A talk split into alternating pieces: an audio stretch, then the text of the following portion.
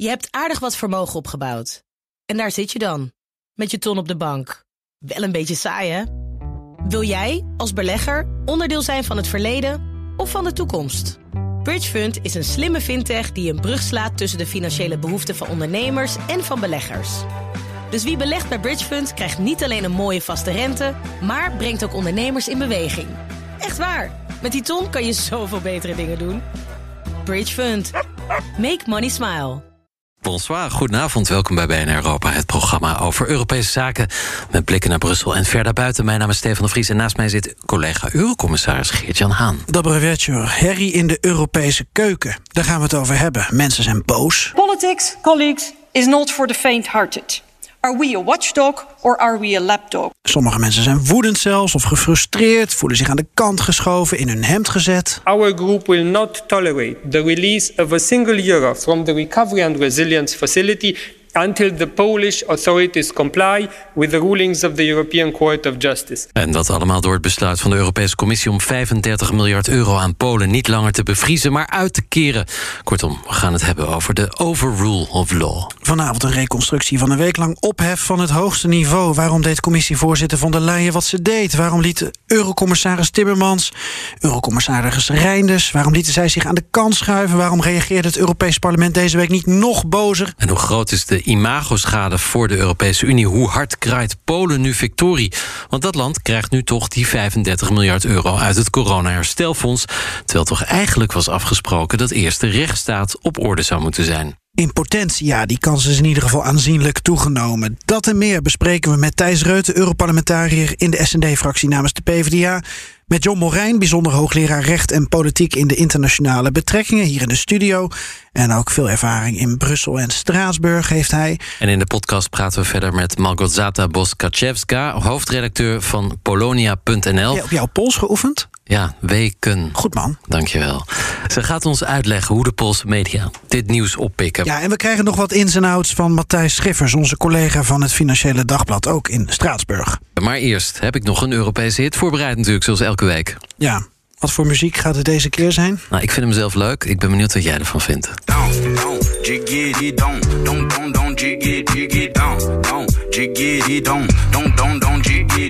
Goeie tekst, hè? Geen idee welk land. Nou, de lange versie, die hoor je zo. Dit is BNR Europa. Eurocommissarissen Haan en de Vries houden de Brusselse zaken scherp in de gaten. Tijd voor onze Europese week. Collega commissaris de Vries. Terug uit Turkije trouwens. En uh, bij welk nieuws viel jij deze week met jouw neus in de boter? Ja, nou wat mij eigenlijk opviel was de slappe hap van Angela Merkel. Vrouw Wir schaffen das is nu vrouw Ich habe es nicht gewusst. Gisteren, dinsdag, had ze voor het eerst sinds haar aftreden een, publiek optreden. Uh, ze ligt natuurlijk onder vuur uh, vanwege ja, de manier waarop Duitsland al die jaren is omgegaan met Rusland en Vladimir Poetin. Maar uh, ze wast haar handen in onschuld. Ze zei, ik zou me heel slecht voelen als ik had gezegd... het heeft geen zin om met die man, met Poetin dus, te praten. Um, ja, dat uh, het zegt eigenlijk genoeg over de manier waarop zij kijkt naar, naar Rusland... en de oorlog in Oekraïne... waar zij toch ook wel een deel voor verantwoordelijk wordt gehouden. gehouden. Ja, straks nog even naar een ander bericht... op basis van de actualiteit dat jij hebt meegenomen. Ik put graag uit een eigen ervaring. Ik was vorige week twee dagen in Den Haag... met een groep internationale journalisten... die hier naartoe waren gehaald... Uh, omdat ze geïnteresseerd zijn in vrede en recht. Brusselse correspondenten die sloten aan van de Financial Times... Franse media, Roemeense media, Poolse media...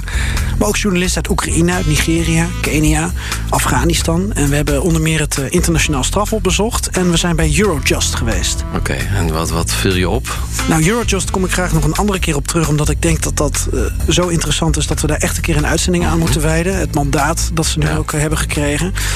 Ja, we hadden een lang gesprek met Karin Kaan de aanklager bij ja. het internationaal strafhof. En daarvan bleef mij bij, en John Morijn hier in de studio uh, weet misschien hoe dat soort dingen gaan. Er waren Afrikaanse journalisten en die vroegen aan Kaan of alle aandacht voor de oorlog in Europa nu niet ten koste gaat voor alle aandacht voor conflicten in de rest van de wereld. En dan heeft ja, heb je het ook met name over geld. Dat wordt besteed aan het hè, bewijslast vergaren voor oorlogsmisdaden in Soudaan, Nigeria. Gaat het allemaal nu naar Oekraïne? Is dat nu ineens het belangrijkste conflict ter wereld? Kaan was heel stellig, die zei nee. Nu Oekraïne er als groot conflict in de wereld bij is gekomen, moet er gewoon geld en personeel überhaupt bij. Maar het kan niet zo zijn dat een conflict in Europa meer geld of aandacht verdient dan een conflict in Afrika. Dat was wat hij tegen mij zei, John. Ja, uh, ik denk dat het een goede manier was uh, voor hem om inderdaad om meer geld uh, te vragen. Want het is wel zo dat Afrikaanse landen tot op heden juist altijd klaagden dat alleen Afrikaanse landen werden onderzocht door het internationaal strafhof. Dus, het is ook nooit goed. Nee. Nou ja, Eurojust komen we dus later nog even op terug. Ja, precies. Nou ja, en dan was er eigenlijk nog het, nieuws van vandaag woensdag... Uh, dat het Fit for 55-pakket, het harde werk van uh, Frans Timmermans en zijn team... Uh, niet door, de, door het Europese parlement is gekomen. Ongelooflijk. Ja, de, het heeft allemaal te maken met een, een, een ruzie over de emissierechten van CO2. Veel bedrijven, bedrijven krijgen een deel van die rechten om dat uit, om uitstoot... Um, krijgen ze gratis. Nou de, commissie wil dat het in 2026 is, afgelopen. Ehm, de rechtse partijen, onder andere de EVP, waar de CDA zit... hebben vandaag uh, bekokstoofd dat het 2028 uh, zou worden. En daar werden de linkse partijen woedend over. En toen hebben ze besloten om het hele pakket uh, niet... ja, om, daar, om, om, in ieder geval tegen die, die emissierechten te stemmen. Maar dat is nu juist de kern van dat hele klimaatpakket. Omdat met die emissierechten moesten natuurlijk bedrijven gestimuleerd worden om snel te vergroenen. Maar ook, uh, dat moest ook geld opleveren. En dat geld zou dan gaan naar de Europese burgers om huizen te isoleren. Dus het hele kaartenwerk stort nu in elkaar.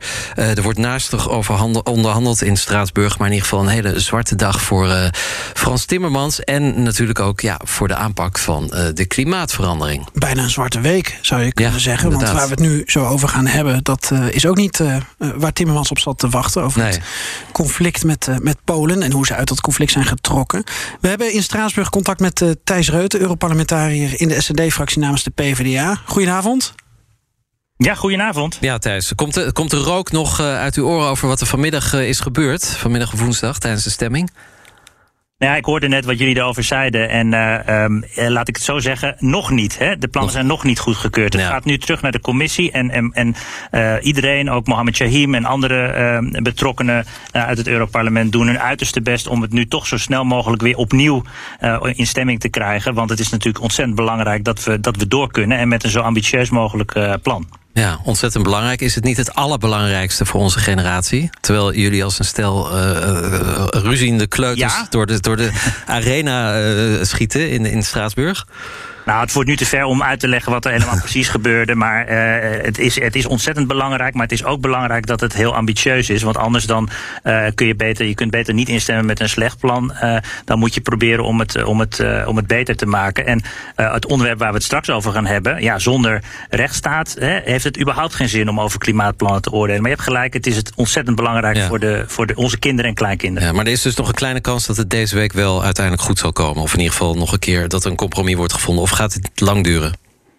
Nou, er is een spoedvergadering van een van de committees belegd door Mohammed Shahim. En uh, laten we zien wat daaruit komt. Uh, maar anders moet het zo snel mogelijk als het deze week niet alsnog lukt. Oké, okay, we houden het in de gaten bij Beker. Mag ik, ja, mag ja, ik één vraag nog stellen? Want uh, Thijs, jij kent Frans Timmermans ontzettend goed. Um, al jaren dit is toch de, de, de zwartste Europese week uit zijn carrière, wat hier allemaal gebeurt?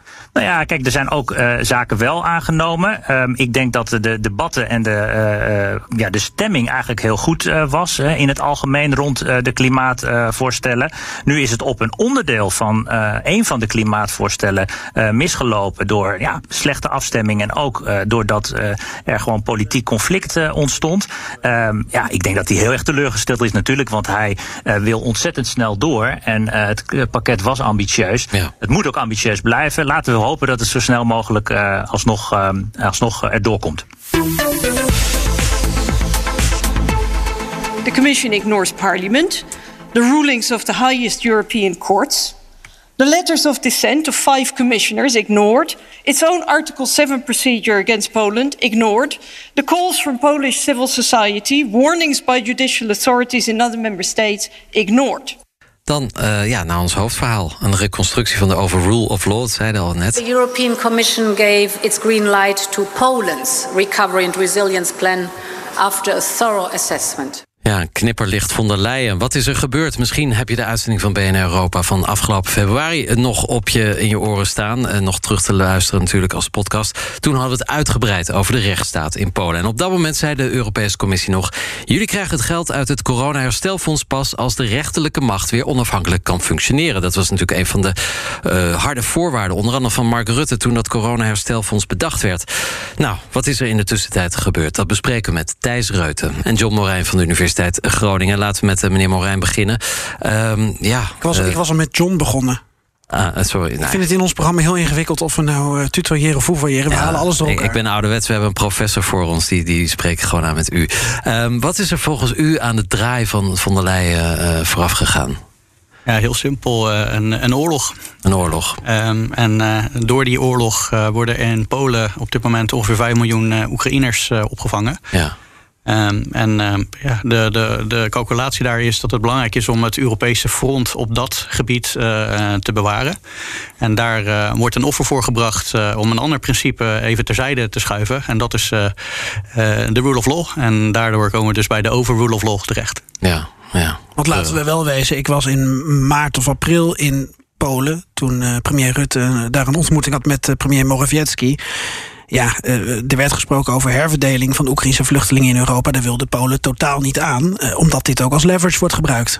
Absoluut. Niet alleen dit dossier, maar ook uh, een dossier dat uh, een unanimiteitsdossier is over belasting. Mm -hmm. uh, waar Polen in alle voorfases totaal geen probleem mee had en het nu strategisch vasthield. En dat is heel belangrijk voor het Franse voorzitterschap. Dus ja, je, je zag dat er allerlei manieren werden gebruikt door de Poolse regering om toch dat geld te krijgen. Wat belangrijk is, omdat volgend jaar de verkiezingen zijn. En dat gaat over een, een heel groot bedrag, dat ongeveer neerkomt op 6,5% van het hele bruto nationaal product van Polen. Dus dan over de orde van grootte, uh, dat is wel een enorm bedrag natuurlijk. Ja. Uh, dus die Oekraïnse vluchtelingen worden als wisselgeld gebruikt in de Europese politiek. Ja, exact. En ja. op een bepaalde manier wordt uh, de, de, de opvang uh, wordt nu heel erg geclaimd door de regering. Terwijl het eigenlijk het grootste deel echt door de Poolse burgers zelf ja. helemaal wordt georganiseerd. Dus. Ja. Laten we nog even wat uitgebreider horen hoe von der Leyen hier in februari nog over sprak. And honorable members, the recent ruling of the Polish Constitutional Court puts much of it into question. We have been concerned about the independence of the judiciary for some time. Judges have seen their immunity being lifted and have been driven out of office without justification. And this threatens judicial independence, which is a basic pillar of the rule of law. Ja, basic pillar of the rule of law. Een paar weken maar voordat de oorlog begon in Oekraïne. Um, ja, en nu dan deze draai. Het Europees Parlement, hoe, hoe, kijkt, uh, hoe kijken jullie ernaar, Thijs Reuten in Straatsburg? Het is verschrikkelijk. Over de rechtsstaat uh, valt wat uh, ons betreft niet uh, te onderhandelen. en dat is wel gebeurd. Er is hier een compromis gesloten. men is gezwicht, vooral mevrouw van der Leyen zelf, onder politieke chantage van de Poolse leiders. En laten daarmee ook de EU, maar ook de inwoners van Polen in de steek. dus dit is echt heel erg slecht voor het fundament eigenlijk waar de EU op gebouwd is, namelijk die onafhankelijke rechtspraak, die rechtsstaat. Is het te begrijpen dat Ursula von der Leyen denkt... Uh, nou ja, die 5 miljoen uh, vluchtelingen die Polen heeft opgevangen... ja, daar mogen ze dan toch eigenlijk wel iets voor terugkrijgen? Nou, kijk, over die vluchtelingen, daar heeft ook vanuit het Europees Parlement is er nooit een misverstand geweest. Uh, geld om die vluchtelingen te helpen, zo direct mogelijk naar de gemeente, naar de hulporganisaties die het echte werk doen. Dat is natuurlijk bespreekbaar. Dat kunnen we ook gewoon regelen. We proberen hier eigenlijk een, een reconstructie te maken van wat er nou, uh, ik wou bijna zeggen in hemelsnaam, uh, de afgelopen week is gebeurd. Ja. En iedereen gaat ook rollenbollend met elkaar over straat. John Morijn, um, Eurocommissarissen Timmermans, Reinders, uh, Verstager en ik vergeet er nog twee. Jo Johansen. En... Johansen. Uh, en uh, Jourova. Die waren eigenlijk uh, tegen deze beslissing en tegen deze uitspraak dus van, van Ursula von der Leyen. Wat, wat, wat is er met hen, denk je, gebeurd? Weet jij hoe zoiets, want je hebt een tijd rondgelopen in Brussel en Straatsburg. Hoe gaat zoiets dat, dat eurocommissarissen met elkaar fel debat hierover hebben, maar dat het opperhoofd eigenlijk zegt: ja, mijn, mijn commissarissen die hier meer verstand van zouden moeten hebben, die, die ga ik hier toch even passeren? Ja, nou, eh, ik heb het in mijn tijd in Brussel überhaupt nog nooit meegemaakt dat er werd gelekt uh, uh, vanuit uh, een commissievergadering. Het is natuurlijk heel normaal dat je van, van mening met elkaar verschilt. Maar er is gewoon uniformiteit van kabinetsbeleid, om zeg maar het Nederlandse woord te gebruiken. En, en, wat hier gebeurt is dat er zelfs strategisch van tevoren is gelekt door vijf, dat is bijna 20% van alle eurocommissarissen mhm. naar de pers, dat ze het er niet mee eens waren. En het is eigenlijk nog principeler, want zowel Timmermans als Verstager zijn vicepresident. Dat zijn uh, geen, geen koekenbakkers natuurlijk in, eh, in de Europese Commissie. En andere twee eurocommissarissen uh, die er tegen waren, die zijn eerst verantwoordelijke op het beleidsterrein, Jourova en Reinders. Ja. Het is een beetje hetzelfde als er in Nederland een debat zou zijn over een uh, dossier bij justitie. En dat allebei de, de minister van Justitie publiekelijk, voordat er een ministerraadbesluit is, zeggen wij zijn het er niet mee eens. En Rutte toch dat besluit neemt. Ja, en dan in de Nederlandse praktijk zou zo'n minister dan opstappen. Absoluut. Ja. En waarom zitten deze vijf er nog? Um, Hebben ze die net zo'n sterke ruggengraat als Ursula von der Leyen tegenover Polen? Ik denk dat het een. Eh, een, uh, ik denk dat zij veel principieler in de wedstrijd zitten. ik, het had zeker een mogelijkheid geweest om wel op te stappen. Ik denk dat hun reading of the tea leaves eigenlijk is dat dit uiteindelijk toch wel op een bepaalde manier spaak kan, kan lopen. Ze wisten mhm. dat ook een heel groot deel van het Europese parlement, waar Thijs natuurlijk in zit, hier tegen is. en je ziet nu dat ook verschillende eurocommissarissen nog geen twee dagen na dat besluit in de commissie al publiekelijk op een heel andere manier tweeten dan uh, hun eigen baas uh, dat, dat heeft gedaan. En eigenlijk uh, inhoudelijk afstand nemen van dat besluit. Ja. Maar denk je echt dat ze serieus hebben overwogen om op te stappen? Nou, uh, Reinders en Jourova die waren niet eens bij de vergadering. Die hadden andere plannen en die hebben alleen een brief uh, gestuurd. Dus Ursula von der Leyen heeft nu in het Europees Parlement gezegd... er zijn maar twee die formeel hebben tegengestemd. En die waren ook echt aanwezig bij de, bij de vergadering. Dat waren Timmermans en, en Vestager. Maar dat is natuurlijk een beetje... Het is duidelijk dat er vijf uiteindelijk gewoon het hier niet mee eens waren. Maar die, die hebben gewoon van tevoren een brief gestuurd. Ja, dus even voor, voor mijn tijdlijn. Stefan, misschien kan je ook even meehelpen. Ja. We hadden dus 2 juni dat moment van von der Leyen die samen met Morawiecki uh, die uitspraak doet. En vervolgens krijgt heel Polen victorie en uh, ja. is heel Brussel uh, in de stress. En wat gebeurde er daarna in het Pinksterweekend nog? Uh, er, er, ontstond uh, veel uh, gedoe in het, juist het Europese parlement, die eigenlijk met zoveel woorden zeiden: dit is zo belangrijk dat we misschien zelfs ons absolute noodmiddel, namelijk het naar, huid, naar huis sturen van de hele Europese Commissie, -huh. overwegen. en gisteren in het debat heeft Ursula von der Leyen, die in eerste instantie zelf helemaal niet wilde komen, die wilde twee andere commissarissen sturen. En was ook opvallend was, was dat de twee voor uh, dit dossier uh, verantwoordelijke commissarissen ook niet wilden komen. Uh, Jourova en, en Reinders. -huh. Uiteindelijk is ze zelf toch gekomen en heeft ze gisteren een speech gehouden in het Europese parlement. Waarin ze heeft geprobeerd te verdedigen waarom, de, waarom ze dit besluit nam. Heeft dat de Europarlementariërs overtuigd? Ik geloof dat Thijs Reuten, dat we weer verbinding met hem hebben. Thijs? Nee, in, tegendeel. Eigenlijk uh, ben ik alleen maar bezorgder geworden. Omdat uh, ze op geen enkele manier aantoont dat ze ook maar iets begrijpt van de ernst uh, van, de, van de situatie. Hè, zoals jullie net ook bespraken, de vijf meest invloedrijke of meest betrokken en meest deskundige uh, op dit gebied waren er tegen.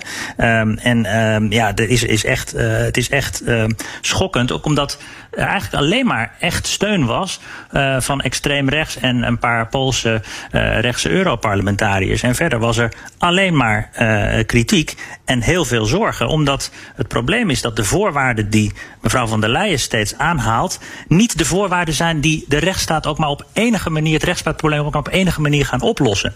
En daarom uh, is het zo, als zij zegt er gaat pas geld naar Polen als aan de voorwaarden wordt voldaan. Ja, dat klinkt op het eerste gezicht goed, maar haar voorwaarden zijn niet goed. Nee, en prominenten van uh, de Renew Europe-fractie, waarin Sofie in het veld zit, Guy Verhofstadt en ja. Luis Caricano, die hebben namens uh, die fractie een motie van afkeuring ingediend. K kun je dat begrijpen, ja. Thijs? Uh, en heeft die kans van slagen? Dat Ja, dat, dat, dat, ligt, dat ligt iets ingewikkeld. We gaan morgen stemmen over een gewone resolutie. Uh, waar wij ook nog nu in proberen om het instrument motie van afkeuring daar ook in op te nemen. Hè, zodat de commissie ook begrijpt dat wij misschien wel naar dat ultieme middel zullen uh, grijpen. De, de, het voorstel van Verhofstadt in het veld en Garicano uh, is eigenlijk een voorstel om als het ware achter de hand te houden, boven de markt te laten hangen. Op het moment dat de lidstaten het namelijk goedkeuren, het voorstel van de commissie. En de mhm. commissie ook daadwerkelijk tot betaling van geld zou overgaan. Om dan in het Europees Parlement over zo'n motie te stemmen. En uh, ja, dat lijkt me ook goed dat wij dat uh, dreigement nu uh, boven de markt houden. Dat men dat ook weet. want we moeten ja, in ieder geval alles doen wat we kunnen als Europees Parlement. om, om, om dit nog de goede kant op te doen. Ja, zo'n motie van afkeuring heeft die zin. Want in het verleden, er zijn er vier geweest. als ik het goed heb, zijn ze altijd afgekeurd. Ja. Nou ja, kijk, als een motie van afkeuring die heeft een, uh, een grotere meerderheid dan een gewone meerderheid uh, nodig. Maar ook als het een gewone meerderheid is, dan is dat natuurlijk een ongelofelijke nederlaag uh, voor de commissie. Gevoegd bij het feit dat er natuurlijk al binnen de commissie oneenigheid is bij de meest deskundige commissarissen op dit terrein. Ja, ik verwacht dat dat echt wel een, een, een heel zwaarwegend signaal zal zijn. Om de commissie echt weg te sturen, is die grote meerderheid nodig.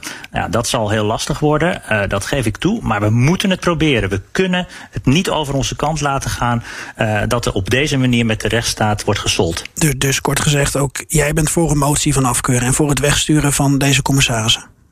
Ja, ik heb vandaag en ook in onze eigen in onze eigen groep gezegd dat we dat middel boven de tafel moeten houden. En op het moment dat het nodig is, dan uh, moeten we dat in stemming brengen. En dan, uh, als er dan niets veranderd is, hè, als er dan ook geen, op geen enkele manier uh, een aanscherping is in de goede richting. En die goede richting is dus niet zoals mevrouw van der Leyen zegt, we gaan de goede kant op. Nee, er moet gewoon onmiddellijk aan alle ontslagen en geschorste rechters, die moeten onmiddellijk weer aan het werk, hun volledige functie terug hebben. En Polen moet onmiddellijk aan alle uitspraken van het Europese Hof voldoen. Dat is volledig herstel van de rechtsstaat. En voor minder uh, doen we het niet. En dan zal ik dus ook voor zo'n motie stemmen, ja. Ja, uh, John Morijn, we, zagen ook de collega van uh, Thijs Reuter, Sophie, in het veld, veld de trom slaan. Stefan haalde het net al aan met de motie van, van afkeuren, dat ze, dat ze eigenlijk heeft aangevoerd.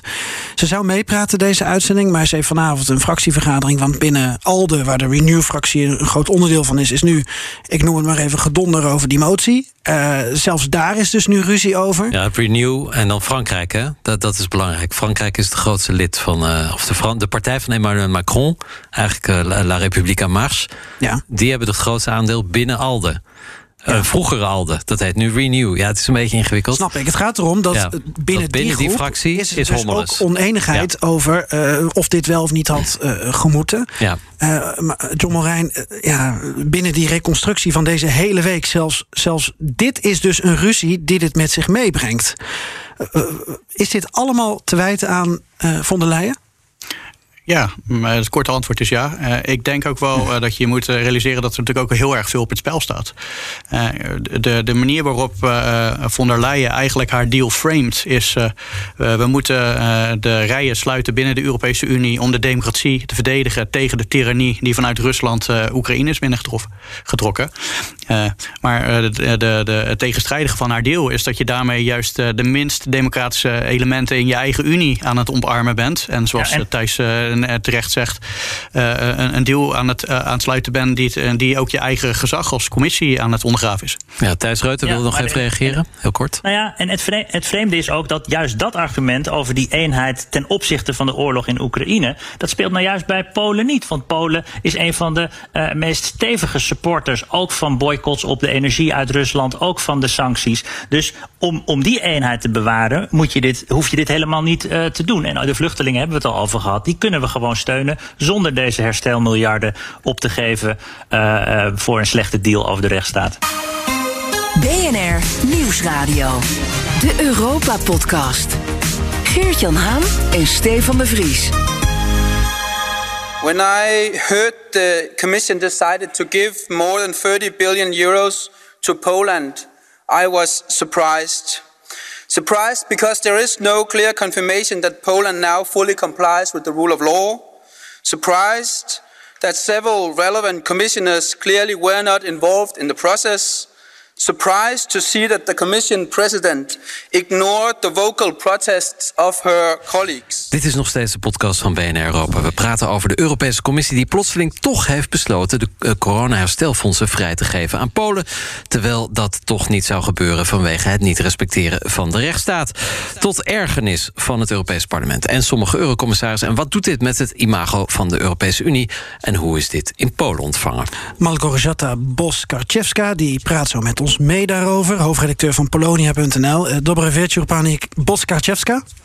Dobry wieczór, witam. Fijn dat u erbij uh, bent. Uh, blijf bij ons. We gaan nog even uh, eerst naar Amsterdam en Straatsburg... om te kijken hoe we het imago van de EU ja, verder kunnen ja, analyseren eigenlijk. John Morijn, deze hele ja, affaire zou ik het bijna willen noemen. Wat doet dit met, met jouw vertrouwen in de EU? Nou, uh, we hadden het er net over dat het een zwarte week is voor de Europese Unie. Uh, ik vind uh, eigenlijk het grootste slachtoffer, ik ben een jurist, is toch het gezag van het Hof van Justitie. dat is een instantie, de allerhoogste rechter in Europa, die tot tweemaal toe heeft gezegd dat een instantie in Polen gewoon geen rechter is. En nu wordt opeens gesuggereerd door deze deal van, met het, die de commissie heeft gemaakt, dat er een uitspraak en de bindendheid ervan als zodanig onderhandelbaar is. En ja, je kan je allerlei scenario's gaan, gaan indenken. waarin het als zodanig een soort van deel wordt van politieke discussie. of je wel of niet een Hof Justitie-uitspraak moet gaan volgen. Ja. En ik vind dat echt onvergeeflijk dat de commissie daar überhaupt ooit aan is begonnen. Ja, want dat is eigenlijk hetzelfde wat Polen ook doet. Uh, ja, het Europese recht, uh, dat is prima. Het, ons eigen recht gaat voor. Ja, absoluut. Uh, en als, je, als je zegt, als je een Hof van Justitie-uitspraak volgt, dan krijg je 36 miljard dat ja. impliceert ook uh, dat als je het uh, niet volgt, dat het dan ook oké okay is. Ja. dus ik vind dat echt ongelooflijk schadelijk voor het gezag van de allerhoogste rechter. Is er dan nog een juridische stap mogelijk tegen de commissie of tegen Ursula von der Leyen? Persoonlijk misschien? niet, niet tegen haar persoonlijk, dat maar, is het is, jammer. maar het is wel degelijk zo. kijk, dit is een commissievoorstel, dat moet de langste raad en daar worden voorgesteld. En elk, elk, dat wordt gewoon een, een, stuk wetgeving en dat kan je gewoon aanvechten voor de van Justitie. Dus het is zeker niet ondenkbaar dat staten die hier nu heel uh, uh, kritisch op zijn, of misschien zelfs het Europees Parlement, dat stuk wetgeving uh, kunnen, kunnen aanvechten. Ja, het lastige is dat veel Europeanen met de pet nog steeds de commissie niet kunnen onderscheiden van het Europees Parlement of de Europese Raad.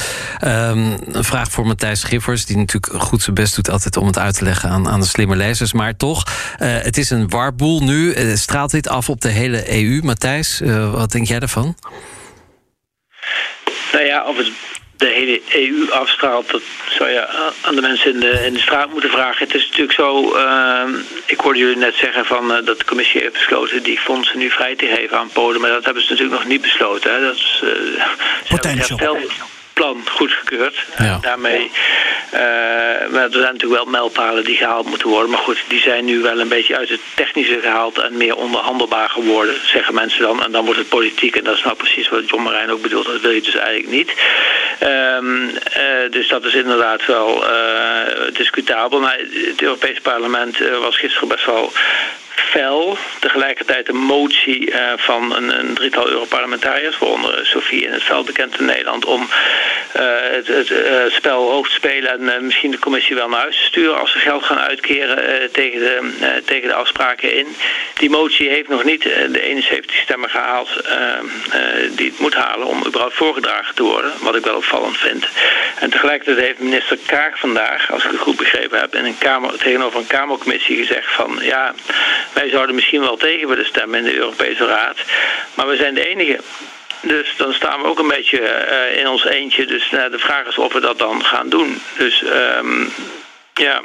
Ja, maar... Veel zwarte piet in de richting van de Europese Commissie. Leg, leg dat even uit, uh, Matthijs. De rol van de Europese Raad in deze. Nou, de, Europese, commissie heeft nu een voorstel gedaan om het herstelplan goed te keuren en daar een aantal mijlpalen aan verbonden om dan ook het geld uit te, uit te keren aan de Polen. Maar de, de, de Europese Raad, het, het, overlegorgaan van de lidstaten, moet daar nog mee instemmen met een gekwalificeerde meerderheid. Um, die schijnt er dus gewoon te zijn. Ja. Nederland, Nederland uh, minister Kaag uh, beluisterend, is de enige die uh, eventueel nog tegen zou willen stemmen. Ja, dus, dus, dus Nederland is de enige tegenstemmer. Betekent het dat 26 lidstaten van de Europese Unie, professor Montijn, eigenlijk geen enkele boodschap hebben aan het Europees Hof? Kunnen we het ook zo vertalen? Ja, ik, ik weet niet of. Ik hou van radicaal. Van, ja, van het, uh, uh, kijk, ik, ik, denk dat het voor Nederland helemaal niet zou moeten uitmaken of andere landen wel of niet meestemmen. In dit geval. het is een principe kwestie. Het is een principe kwestie. En het heeft ook een heel belangrijk symbolisch effect. Mm -hmm. ook al weet je dat je in de minderheid komt te staan. bijvoorbeeld om je het recht voor te behouden om naar, naar het Hof van Justitie te stappen. Ja. Kijk, er zijn natuurlijk al vijf Europarlementariërs of euro, Eurocommissarissen in dit geval die publiekelijk hebben gezegd dat ze, uh, dat ze het hier niet mee akkoord uh, zijn gegaan. Mm -hmm. En je kan je dus ook afvragen of uh, Denemarken, Zweden, België en, en, Duitsland niet ook een soort vanzelfde stem zouden uitbrengen in de Raad. Ik ben het wel met Matthijs eens dat er totaal geen enkel uitzicht is op een blokkerende minderheid. Nee. maar ja, het, het, het, is, het is zelfs als je al van tevoren weet dat het, de uitslag niet heel erg zou veranderen, wil nog niet zeggen dat er geen andere redenen kunnen zijn om alsnog tegen te stemmen. Tijd om naar Polen te gaan. Uh, Malgorzata. Um, hoe is ja. het deze week over Brussel bericht in de Poolse media? Want uh, nou, hier uh, komt het, de, de, stoom uit diverse oren. Hoe is de stemming in Warschau en, en Łódź en Krakow en noem maar op? Uh, noem maar op. Nou, hangt af uh, wie je vraagt. Paul is ongeveer in, in, in twee of drie kampen verdeeld. Eentje is pro-PiS, ander tegen PiS. En een derde groep is mensen die is in apolitiek helemaal niet geïnteresseerd. En dat kan worst wezen wat daar politici bespreken. Dus bij, om bij de PiS-kamp, dus dat is een naam van de partij Recht en Rechtvaardigheid, de regerende partij in Polen van Jarosław Kaczynski. Nou, daar is een jubelstem uh, op. Tijdens haar bezoek uh, aan, aan Warschau, uh, ja, ze vierden de winst op uh, von der Leyen. Hadden het gevoel, we hebben Ursula op de knieën gekregen. De knieval van de commissie. Omdat er is uitgelegd, ja, de plan, het plan is goedgekeurd. Ja? Dus miljarden euro's komen Polen binnen waarop wij recht hebben. Zo wordt uitgelegd. Ja. Aan de andere kant, de andere kamp, dat is die oppositie, rechters, advocaten, die, die waren diep teleurgesteld en uh, was een woede. En uh, sommigen spraken van valse spel van de Poolse regering. Dat die dingen beloofd, die gaat niet waarmaken. En bedrog dus. En ja, men had daar gevoel dat PiS neemt Brussel bij de neus. We hebben in het eerste deel van onze uitzending geprobeerd... een soort van reconstructie te maken van wat er ja, allemaal is ja. gebeurd. von der Leyen was op 2 juni, donderdag 2 juni in Warschau. Ja. wisten ze die ochtend of op, op 1 juni in Warschau al dat dit zou gaan gebeuren? Ja, dat wisten ze ongeveer, ja. Kijk, uh, Ursula heeft, al, heeft gisteren zelfs in het Europese parlement zelf gezegd... dat ze, uh, geloof ik, op 20 oktober vorig jaar... die drie voorwaarden die in het um, coronaherstelplan van Polen staan... al bekendgemaakt. Dus die, die voorwaarden waren al bekend. De commissie moest alleen op, de, op, de, op Polen wachten... dat de Poolse regering eindelijk in beweging zou komen. En dat hebben ze gedaan... Uh, vorige week is een wetsvoorstel van president Duda aangenomen door het parlement. Door, dat wil zeggen door de Tweede Kamer. En die wetsvoorstel zorgt dat uh, de, de, tuchtkamer uh, wordt afgeschaft conform arrest, arrest van de Europese Hof van Justitie. Dus dat was het belangrijkste obstakel. En toen ging alles rollen. En toen Ursula kwam naar, naar Warschau om zogenaamd het plan, goedgekeurde plan te laten toelichten. Ja. Dus dat wisten ze. In Poolse pers kon je lezen, die drie voorwaarden, alles wat gaat gebeuren. Dat wisten ze. Ja, Matthijs Schiffers, in Polen wordt het binnenharken van dit geld gepresenteerd als een soort overwinning. In ieder geval door de PiS, door de regeringspartij op de grote boze EU. Um, ja, is dat het tegenovergestelde van wat von der Leyen, die er nogal ongemakkelijk bij stond tijdens haar verklaring, oorspronkelijk misschien ook in gedachten had? Ja, ja ik, ik, ik moet er even herhalen, want het, de Polen hebben nog geen geld. Nee, nee, nee. Maar goed, dus, de toestegging... Dat is wel even ja. belangrijk nuance, want Van der Leyen zegt hier gisteren dus ook in het Europees Parlement... van er gaat geen uh, euro naar Polen voordat er aan die mijlpalen is voldaan. Nou goed, nogmaals, die mijlpalen daar bij die mijlpalen is mij opgevallen dat daar iedere keer net een wat andere uitleg aan gegeven wordt. Gisteren zei, gisteren zei ze weer van uh, die rechters moeten, uh, die ontslagen rechters, door die terugkamer ontslagen rechters, die moeten terug uh, in functie geïnstalleerd worden. Maar in het persbericht van een week geleden staat dat die ontslagen rechters aan een andere uh, orgaan, een rechtelijk orgaan, moeten vragen of dat ontslag terecht was. Wat toch echt wel iets anders is dan hun baan teruggeven. Um, dus uh, we zullen even moeten afwachten hoe wat er op papier staat in de praktijk uitpakt. Ja. Maar dat is juist, eh, als ik mag toevoegen, het probleem. We weten niet precies wat er in dit plan staan, hoe de voorwaarden worden geformuleerd. Telkens horen we uh, verschillende uitleg en, en, en, toevoegingen. Dus dat is een volstrekt een zootje. En wat dat betreft een zeer slechte presentatie van het, van het plan van de Europese Commissie aan Polen. Dat was uh, zeer slecht voorbereid. Ja. John Morijn? Ja, nee, øh, øh, ik ben het ermee eens uh, als Matthijs en Malgozato zeggen... Uh, het persbericht zegt wat anders dan de voorwaarden. Maar die voorwaarden die zijn wel degelijk zwart op wit... gewoon op de website van de commissie te vinden. Ja. En het hele belangrijke element waar Matthijs uh, ook al op wijst... is dat von der Leyen gisteren eigenlijk maar gedeeltelijk de waarheid... in het Europees Parlement heeft gezegd als volgt. Er zijn nu een stuk of zeven, acht rechters geschorst. Die mogen niet meer werken door een kamer van, van de Hoge Raad van Polen... waarvan het officier meermaals heeft gezegd... dat is helemaal geen rechter, dus ik kan uh, ook geen rechtelijke uitspraak doen. Nee. Maar wat er nu wordt uh, gedaan qua benchmark in het plan... dat gewoon zwart op wit staat, is dat wordt gezegd... dat element, namelijk die zeven mensen die al illegaal zijn geschorst... die mogen inderdaad zelf het initiatief nemen om hun schorsing aan te vechten. Maar dat element hoeft pas eind volgend jaar te worden ingevoerd. En dat betekent dus dat de huidige Poolse regering...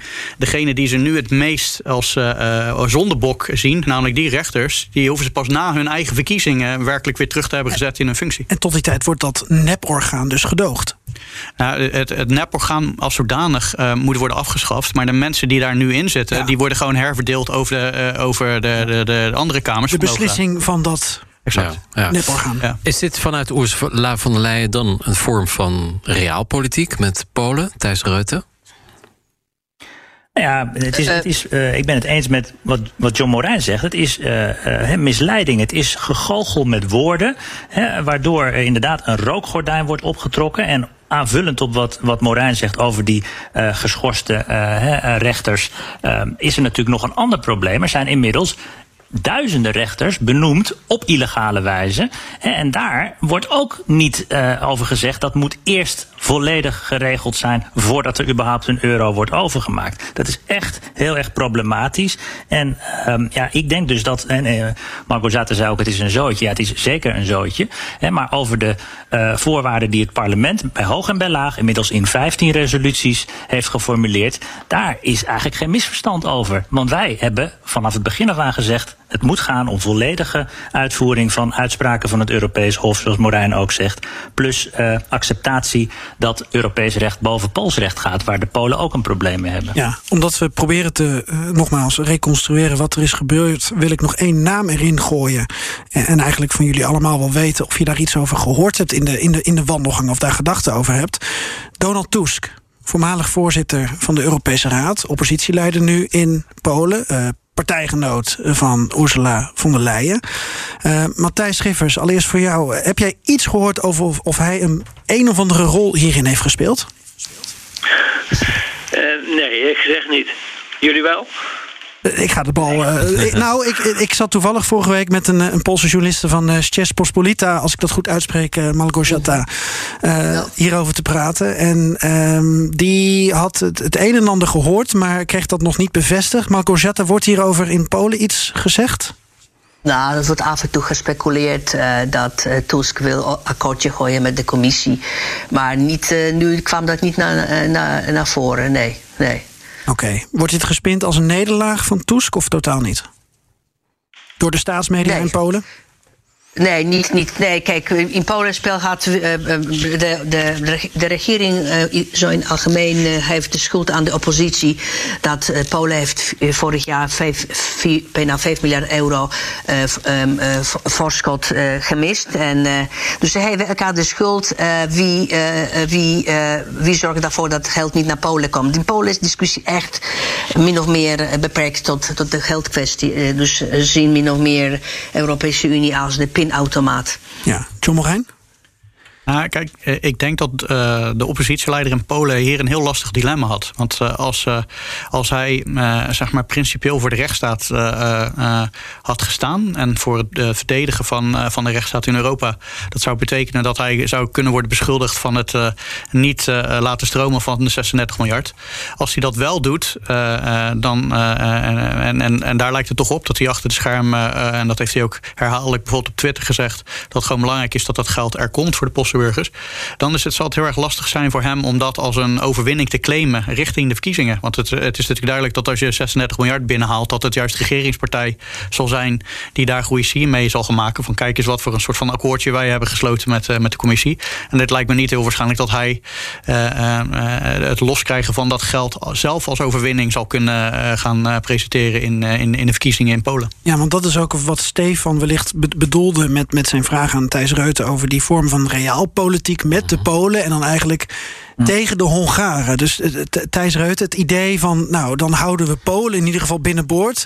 En Hongarije is toch al verloren. Maar dan hebben we een van die twee uh, schandknaapjes hebben we nog in het gareel. Ja, nee, ik moest net al diep zuchten, misschien hoorde je dat. Ja, dat is natuurlijk ook zaak, zaken doen met autocraten op deze manier is in alle gevallen een slecht idee. Want je komt er altijd slecht uit. We zien het met Orbán. Je maakt een afspraak. Je denkt dat je een afspraak hebt. En de dag later wordt die weer ter discussie gesteld. En moet het nog weer meer uh, zijn kant op. Je moet het gewoon niet doen. Wij hebben helemaal geen stalen zenuwen. Dat is het probleem. Want uh, er was even een window, uh, een, een, mogelijkheid. Hè, toen Polen op een gegeven moment heel boos was op Hongarije. Toen had de uh, Raad van Ministers misschien een stemming kunnen afdwingen over artikel 7 rondom Hongarije. Omdat Polen zo boos was op Hongarije. Maar dit gaat helemaal niet helpen in de strijd tegen de autocraat. Ook niet in de strijd tegen Orbán. Omdat deze regering in Polen, zolang die er zit, zal doorgaan met deze strategie. Omdat dit een autocratische, populistische uh, strategie is. Dus dit is nog niet het einde van, ja. uh, van deze saga, ja, helaas. Jij zegt autocraten, um, maar uh, het zijn niet alleen autocraten... het zijn gewoon volwaardige leden van de Europese Unie. Is, is dat niet eigenlijk het probleem? Zeker. Dat we gewoon... Zeker. er is geen verschil tussen Hongarije en, en Nederland... of Hongarije en Frankrijk. Het, het zijn allemaal EU-leden. Hetzelfde gewicht. En, en er, loop, ja. er, er, lopen dus procedures, maar die procedures zijn zodanig ontworpen dat landen elkaar de hand boven het hoofd kunnen houden. Dus je kunt niet één land aanpakken en het stemrecht ontnemen als er ook een ander land is wat er belang bij heeft om uh, die situatie niet tot een oplossing uh, te brengen. Gelukkig zijn er ook wat positieve signalen. In Slovenië is een nieuwe regering die niet meer uh, flirt met, met Orbán. in, in, in Tsjechië ook. maar we moeten met Polen en Hongarije kunnen we alleen maar uh, dat kunnen we alleen maar oplossen als we uh, hard zijn, duidelijk de taal spreken die autocraten begrijpen. Dat is de taal van de macht. En in dit geval heeft de commissie dus zijn belangrijkste hefboom, namelijk dat geld, in feite nu weggegeven door boterzachte voorwaarden aan die 36 miljard te koppelen. En dat is een heel slecht idee als je te maken hebt met autocraten. Ja, komen we hier niet eigenlijk bij een fundamentele weeffout van de Europese Unie, John Morijn? Ja, absoluut. Uh, maar ik, ik vind het ook belangrijk dat we onszelf hier uh, op, de, op de, de avond niet helemaal de put in praten. Er zijn allerlei mogelijkheden om, om wel degelijk uh, nog allerlei dingen te gaan ondernemen. Ja. Ik, ik zou er ook sterk voor pleiten dat zelfs als de Nederlandse regering uiteindelijk besluit om niet tegen te stemmen, mm -hmm. dat wel en daar hun eigen voorwaarden aan te verbinden. En om je een voorbeeld te geven, in november, voordat de Russen de grens met Oekraïne overstaken, -hmm. heeft de commissie twee brieven gestuurd over een een nieuw instrument dat heet de rechtsstaatsverordening. Uh, waarin je eigenlijk alleen maar geld blijft krijgen als je voldoet aan de rechtsstaat. Mm -hmm. Zowel aan Polen als aan Hongarije. Dus dit is al eigenlijk de tweede knieval richting Polen waar we het nu over hebben. En je kan natuurlijk zeggen van, uh, weet je, op de commissie druk uitoefenen om dat alsnog ook op Polen te gaan toepassen. Wat je ook kan doen is ja. andere inbreukzaken ehm, afdwingen bij de commissie. Bijvoorbeeld, nou, we hadden het al even over een hele hoop rechters, had Thijs het over die op dit moment in Polen worden benoemd door een raad voor de rechtspraak, die eigenlijk is uitgekotst eh, door alle andere raden voor de rechtspraak in Europa. Nou, die kan je als zodanig aanpakken, kan je druk op uh, zetten op de commissie. Wat je ook kan doen, de laatste keer dat ik zelf in Warschau was, was net na de uitspraak van het Constitutioneel Tribunaal, waarin ze eigenlijk zeggen: voorrang van Europees recht is, is niet voor, van ons, op, op, op ons van toepassing.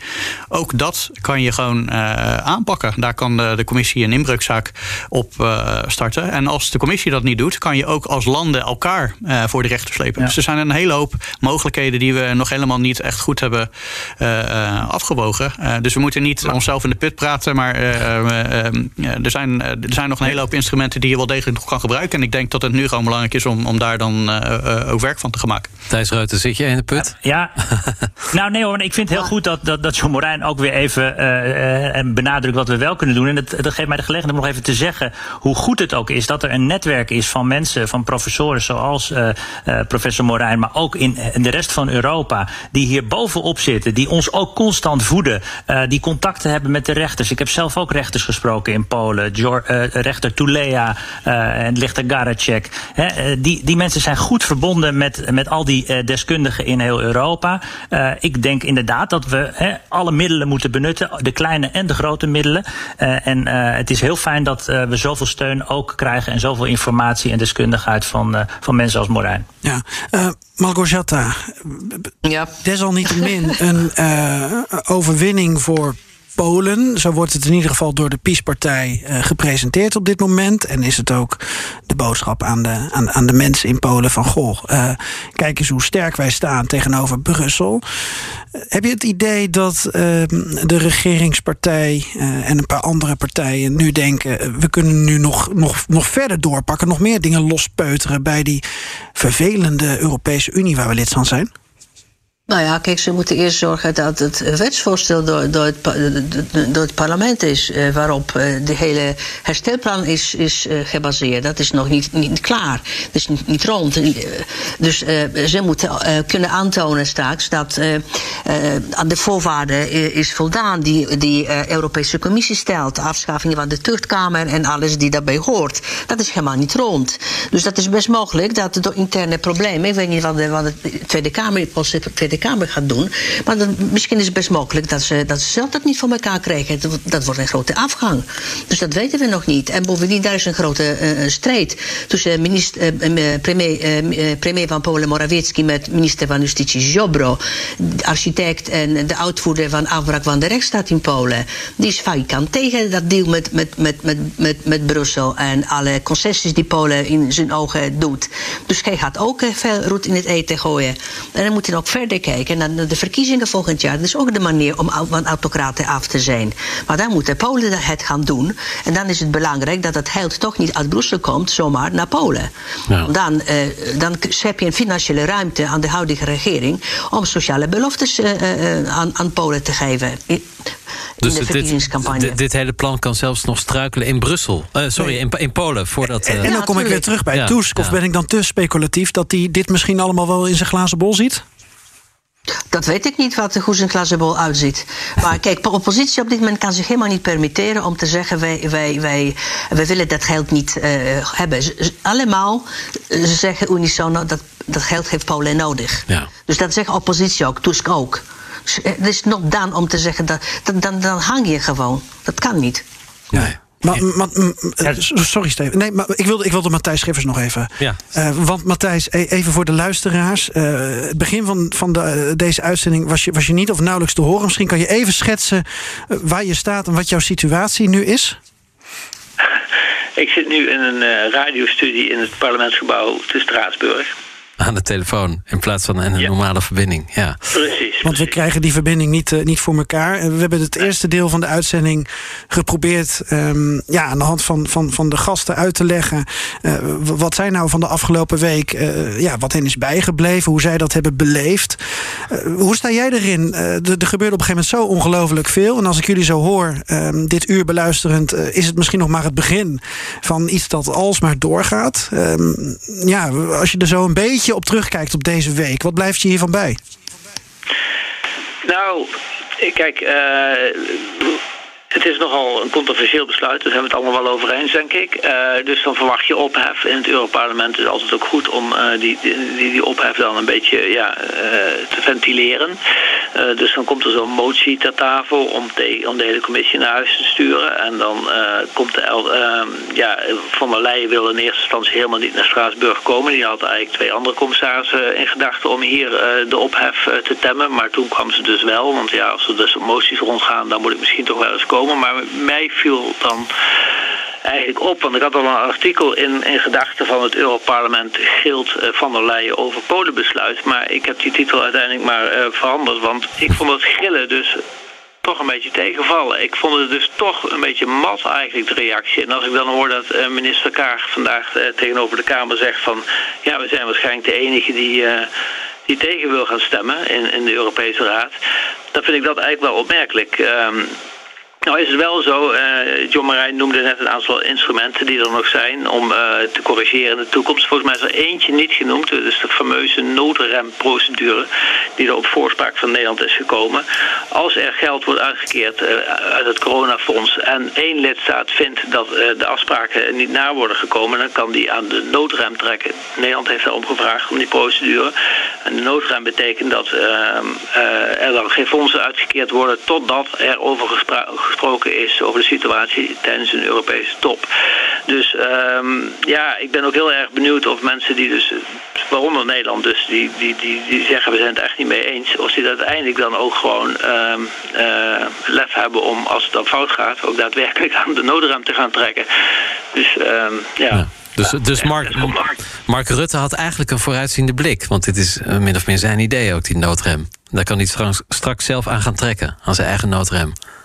Zo is dat. Hij heeft die noodrem uh, met verven verdedigd uh, in, uh, in Den Haag, geloof ik ook, toen hij terugkwam. En ja. dus toch moest, moest bekennen dat er een corona-herstelfonds kwam.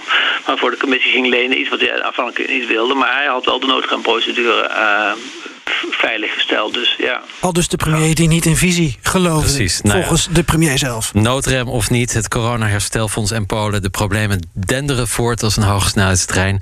En ja, wij naderen ook ons eindstation, uh, in ieder geval voor deze uitzending. Maar uiteraard bijna, bijna. niet voordat we... De nummer 1 in erbij pakken. Ja, zoals elke week ga ik speciaal voor jou op zoek, Geert-Jan... naar de nummer 1 hit ergens in Europa. En deze keer uh, heb ik ook weer stad, land en lidstaat doorzocht... en ik vond dit. Is dit een uh, eentje die John Morijn moet raden? Nou, la laat hem maar raden.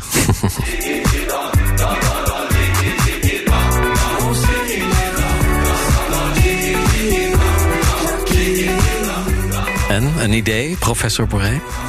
Uh, ik denk dat je me vanaf nu mag tutoyeren, want ik heb geen idee. Oké, okay. goed. Muziekkenners en ontkenners die tutoyeren. Uh, dit is de nummer 1 in uh, een van mijn lievelingslanden, Portugal. Kijk, kijk. Ja, en geinig, geinig nummertje. Geinig nummertje. Ja, ik, heb, ik voel een potentie voor een enorme zomerhit. ook hier in, in Nederland. Het is Jovem Dionisiu in een, op één dus in Lissabon. Al die tophits die we iedere week vinden... staan in een speciale lijst op Spotify. Volg ons daar even zoeken op BNR nummer 1. Ja, wat Brussel betreft nog geen zomer, maar donderwolken. Reacties op dit programma zijn welkom per mail op europa.bnr.nl... of via Twitter op BNR Europa. Dank Thijs Reuten, Europarlementariër namens, het, uh, namens de PvdA in de SND-fractie. John Morijn, bijzonder hoogleraar recht en politiek... in de internationale betrekkingen. En heel vaak uh, te vinden in contact met Polen en Poolse rechters ook. Matthijs Schiffers, Europa-correspondent van het Financieel Dagblad. En niet te vergeten Malgorzata uh, Karachevska-Bos, hoofdredacteur van Polonia.nl. Ik moet het even volgens deze volgorde doen. Dat ging de eerste deel van de uitzending een klein beetje andersom. Uh, maar hopelijk was het zo uh, naar wens. Dank voor het luisteren. Volgende week zijn we weer met BNR Europa. Aito. À la prochaine. Je hebt aardig wat vermogen opgebouwd. En daar zit je dan, met je ton op de bank. Wel een beetje saai, hè? Wil jij, als belegger, onderdeel zijn van het verleden of van de toekomst? Bridgefund is een slimme fintech die een brug slaat tussen de financiële behoeften van ondernemers en van beleggers. Dus wie belegt bij Bridgefund krijgt niet alleen een mooie vaste rente, maar brengt ook ondernemers in beweging. Echt waar, met die ton kan je zoveel betere dingen doen. Bridgefund. Make money smile.